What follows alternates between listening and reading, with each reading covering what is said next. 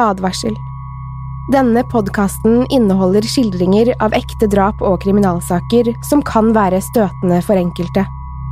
Det advares også mot sterke inntrykk i deler av episoden. For mer enn to og et halvt år siden skrev jeg en sak om drapet i dagens episode. Jeg hadde så vidt hørt om drapet før en kollega nevnte det for meg, og da jeg begynte å gjøre research til saken jeg skrev, forsto jeg at omfanget av drapet på Ingrid Marie Skotte var mye større enn jeg hadde trodd.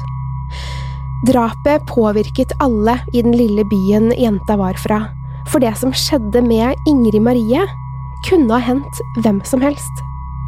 Det var vel det som var så skummelt med saken, at en ung jente ble borte, uten at noen visste hvor hun var, eller hva som hadde skjedd. Bortsett fra drapsmannen, vel å merke. Etter at saken jeg skrev ble publisert, kom det veldig mange kommentarer. Jeg fikk mail fra folk som husket at saken var sånn og ikke sånn, og at jeg burde passe meg for å rippe opp i slike vonde saker. Jeg burde tenke mer på familien hennes, Tenk hvordan de følte seg hvis de leste det jeg hadde skrevet. Jeg skammet meg litt, uten at jeg egentlig hadde behøvd det. Jeg hadde jo bare skrevet om et drap som hadde skjedd i en liten by, ikke noe verre enn det media gjorde da de rapporterte fra eksempel rettssaken. Likevel, denne og Baneheia-saken fikk meg til å begynne å tenke mer på de pårørende enn før. De fikk meg også til å vurdere norske saker på en annen måte enn jeg hadde gjort tidligere. Fortsatt får jeg meldinger med ønske om å ta opp saker som kanskje ikke er et år gamle engang, og de kommer jeg alltid til å vente med. Noen av dem lager jeg kanskje aldri en episode om. Selv om mange i starten, noen få fortsatt, trodde at True Crime-poden bare skulle handle om norske saker, uten at jeg vet hvor den antakelsen kom fra, eller at vi i hovedsak skulle snakke om seriemordere, er det ikke slik True Crime-poden er. True Crime-poden tar opp saker lytter ønsker, uavhengig av hvilket land de kommer fra. De tar helst saker som ikke er så kjente, litt for at dere skal få høre noe nytt og spennende, og litt fordi det finnes nok informasjon tilgjengelig om Ted Bundy eller Orderud-saken, for å nevne eksempler. Vi har selvfølgelig noen mer profilerte saker også, for å sikre at innholdet i podkasten holder seg variert. Etter mange ønsker fra dere, og etter å ha tenkt meg om både to og tre ganger, skal vi nå til en liten kommune øverst i vakre Gudbrandsdalen. Vi skal til Lesja i Oppland, og drapet på 13 år gamle Ingrid Marie Skotte. Velkommen til True Crime Podden.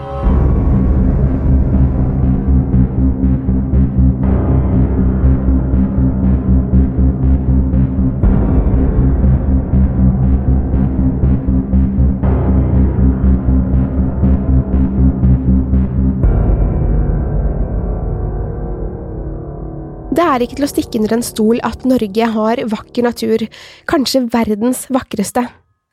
Dype daler og høye fjell, friske elver og innsjøer, fjorder som ser ut som nasjonalromantiske malerier, og den gode, friske luften.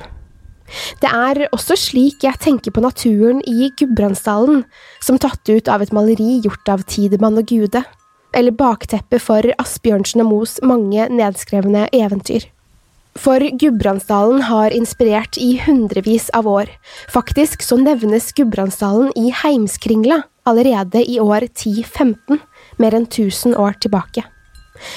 Dovrefjell grenser til dalen, som trolig inspirerte selveste Henrik Ibsen til å skrive Per Gynt i 1867 og om trollkongen Dovregubben. OL på Lillehammer i 1994 er nok et kjært minne for mange, men Gudbrandsdalen har en mørk historie også. Da svartedauden kom til Norge, i 1349, halverte byllepesten befolkningen, og under andre verdenskrig ble flere kamper kjempet her da Norge ble angrepet i 1940. Det er mye man kan nevne når det kommer til Gudbrandsdalen, og det er spesielt én sak vi skal fokusere på i denne episoden. Vi skal til Lesja og til februar 1987. Ingrid Marie Skotte er 13 år. Hun ble født i mars 1973, og foreldrene var så lykkelige for at det var en jente, for de hadde en sønn fra før. Nå var familien komplett med en av hver. Ingrid Marie er oppkalt etter bestemødrene sine, og til daglig kalte alle henne bare Ingrid. Familien Skotte flytter etter hvert til gården Ingrid og broren vokser opp på. Der hadde de lam og hester, og Ingrid viser stor omsorg og mye ansvar for dyrene, selv om det å leke med barbiedukker og venninnene nok var favoritthobbyen. Hun beskrives som snill, livlig og morsom. Ingrid var en omtenksom, tøff og dyrekjær jente.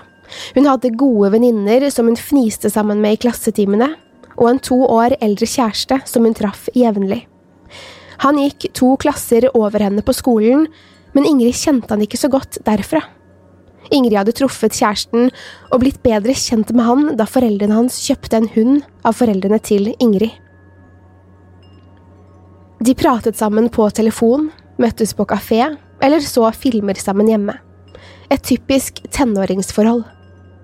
Ingrid likte også å tilbringe tid med hesten sin, som hun og broren delte på. De var nære hverandre, familiens Skotte. Hun er oppvokst rett utenfor Lesja sentrum, og pleide å ta buss inn dit om hun hadde avtaler, og akkurat denne ettermiddagen, den 10. mars, har Ingrid det. Hun hadde avtalt en kafétur med kjæresten og planla å ta bussen dit. De skulle møtes klokken fem, og Ingrid rakk akkurat å spise middag med moren sin før hun dro.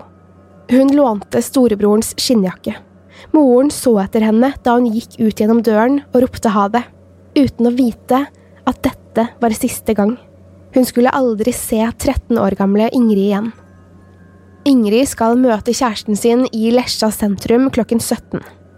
Bussene går ikke så veldig ofte, så Ingrid småløp kanskje mot holdeplassen for å rekke den, for neste buss ville være lang tid unna. Om Ingrid kommer for sent, eller bussen kanskje kjører for tidlig fra holdeplassen, er umulig å vite. Kjæresten hennes vet hvilken buss Ingrid skulle ta, og når den skulle være fremme i sentrum. Han står og venter på henne der de hadde avtalt å møtes. Uansett hva grunnen var, tar ikke Ingrid bussen på ettermiddagen. Hun bestemmer seg for å haike. Ingrid og en venninne hadde haiket før, selv om de ikke fikk lov av foreldrene. Det hadde gått bra hver gang, så det kan tenkes at Ingrid ikke var redd for å haike nå heller.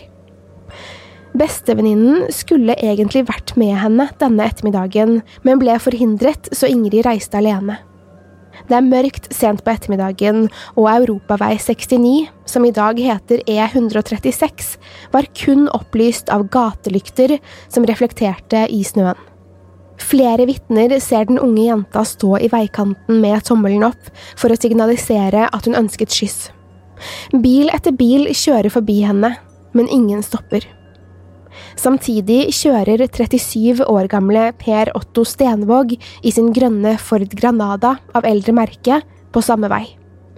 Han har drukket flere øl og kjører uten mål og mening.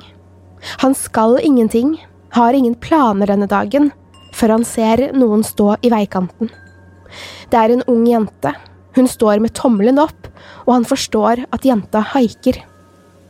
Stenvåg bremser opp og stopper bilen ved siden av jenta.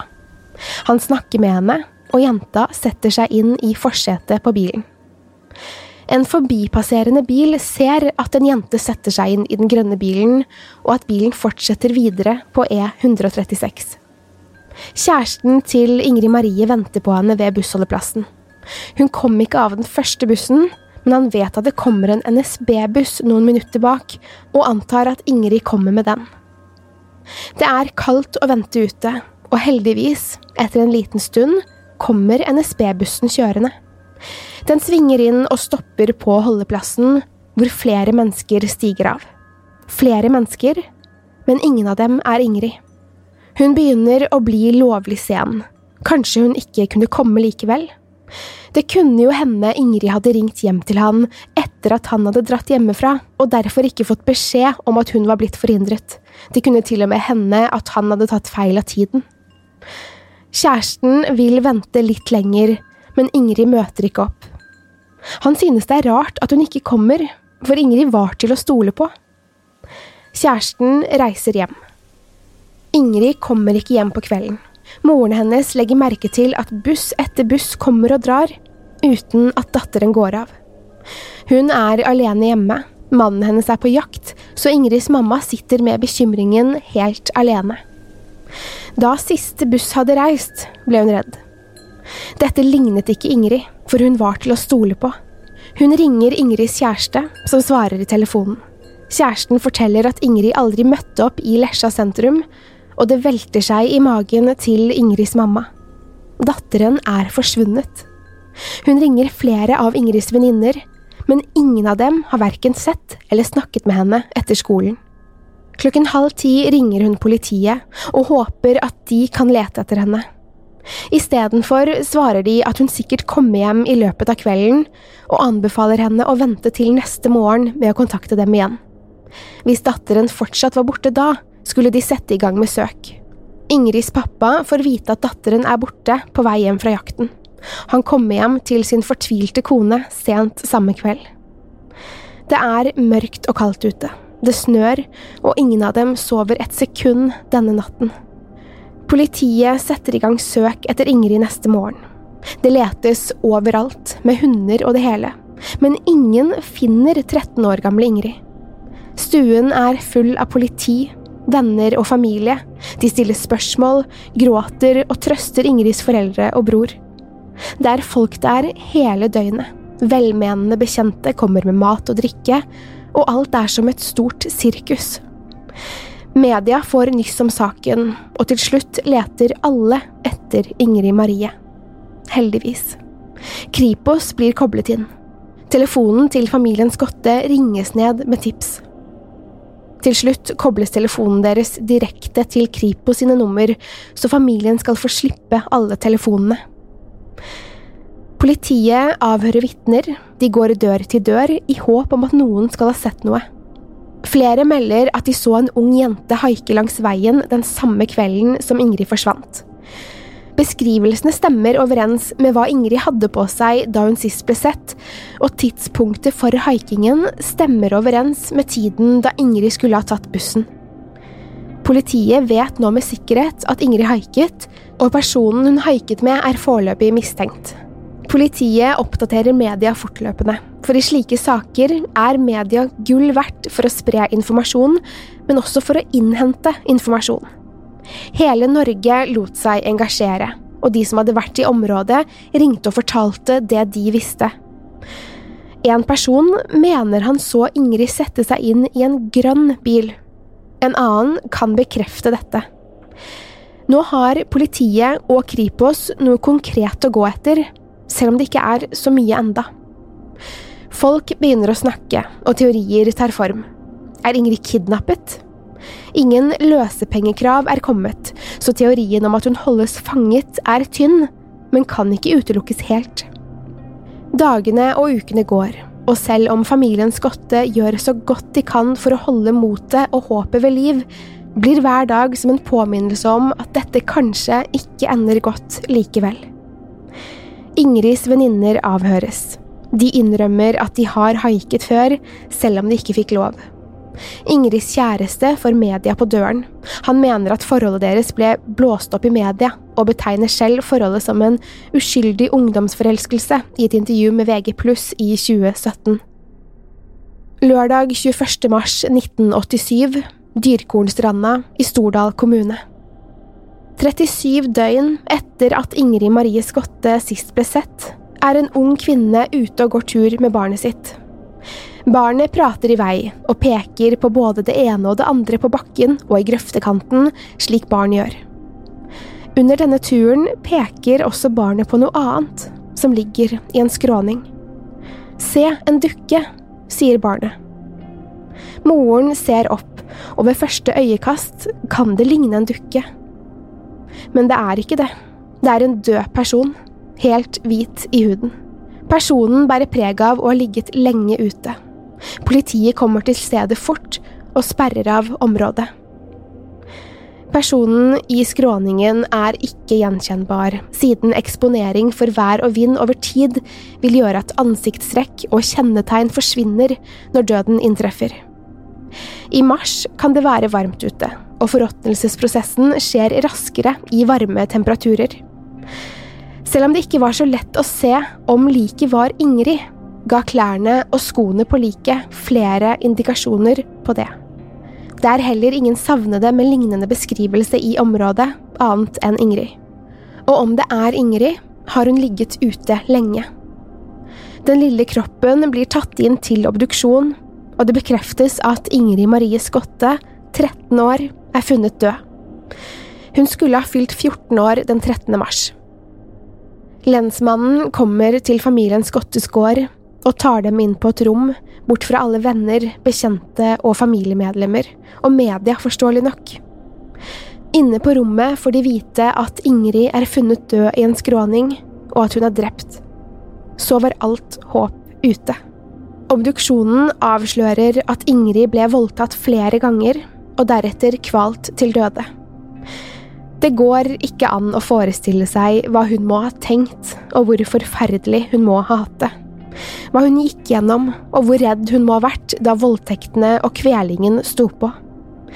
Igjen er teorien om at Ingrid ble plukket opp av en bil langs veien da hun haiket, og at sjåføren av denne bilen er gjerningspersonen. Under Ingrids sko blir det funnet lakkrester fra en grønn bil, som stemmer med det vitner tidligere har fortalt politiet. De etterlyser alle grønne personbiler som var i området da Ingrid forsvant, og flere tips kommer inn om en grønn Ford Granada og en mann som kjørte den. Etter enda flere tips blir en 37 år gammel mann fra Ålesund tatt inn til avhør den 29. mars 1987. Han eier en grønn bil, en Ford Granada. Han heter Per Otto Stenvåg og er en fraskilt familiefar med flere barn, og har en broket fortid som tydelig kan sees i politiets register. 78 døgn etter at Ingrid Marie Skotte forsvant, kun kort tid etter at avhøret starter, tilstår Stenvåg bortføringen, voldtekten og drapet på 13-åringen. Han fremstår som en angrende synder. Det virker som om han forstår hva han har gjort.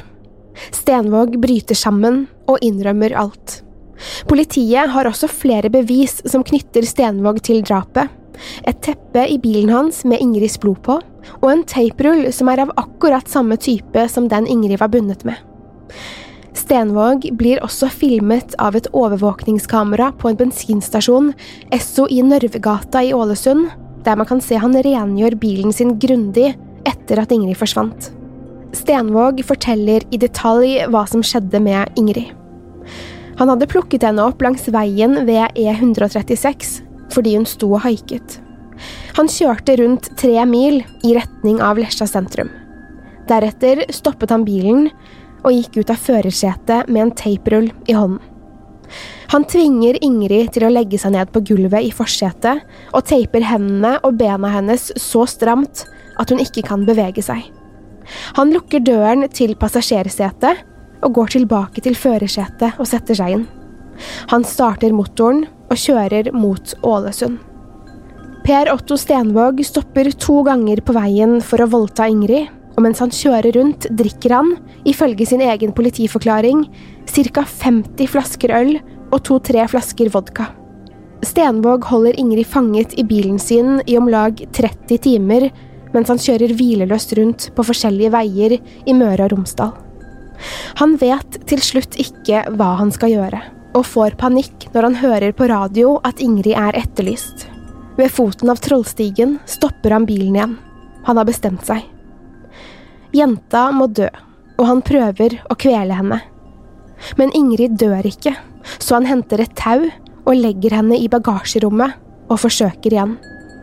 Denne gangen er det lettere, og 13-åringen dør til slutt.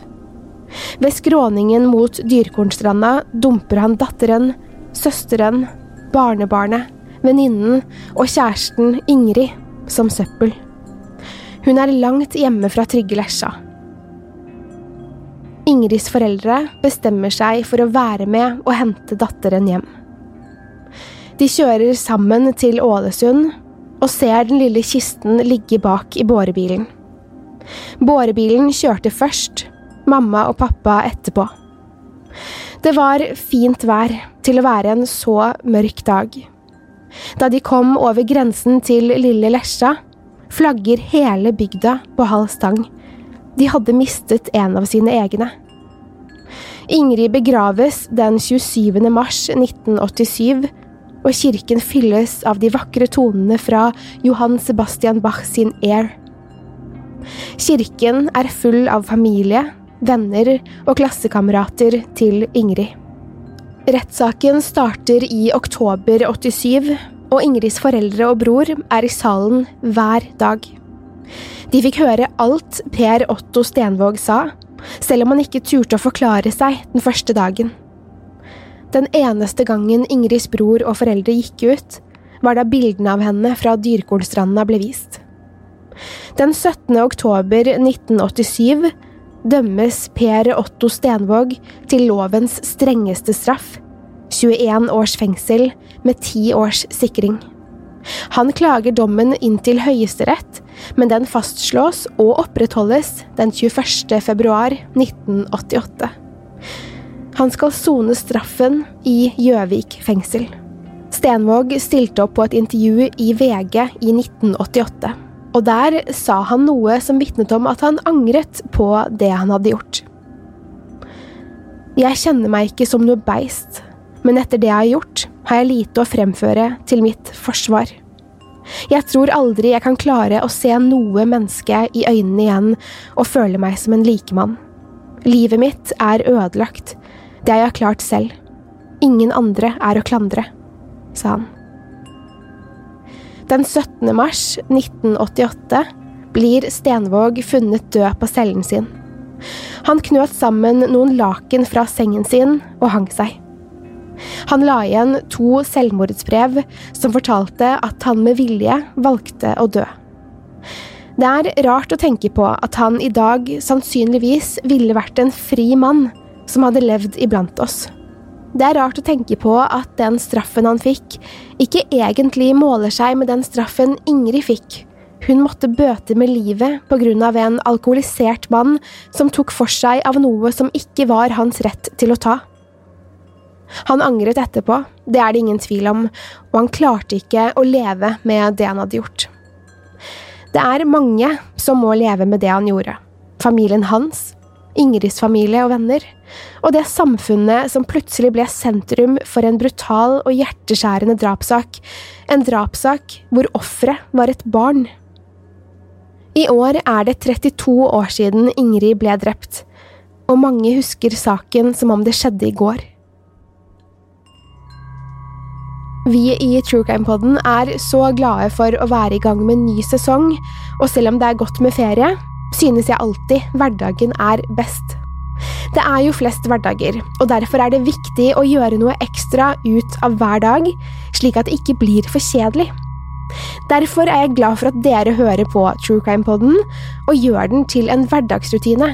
For noen betyr True Crime Podden starten på ukens beste dag fredag, mens andre hører på mens de vasker huset eller triller tur med baby. Takk for at jeg får være med dere i hverdagen, og takk for at dere er med i min hverdag. Har dere tips til litt uvanlige drapssaker? Kontakt meg på Instagram, som heter True Crime Norge, eller send mail til post at truecrimenorge.no.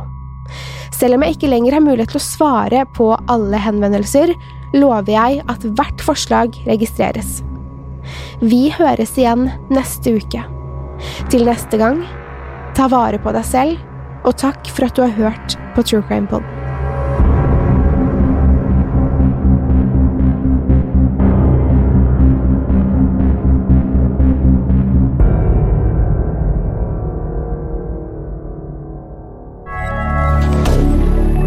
Media.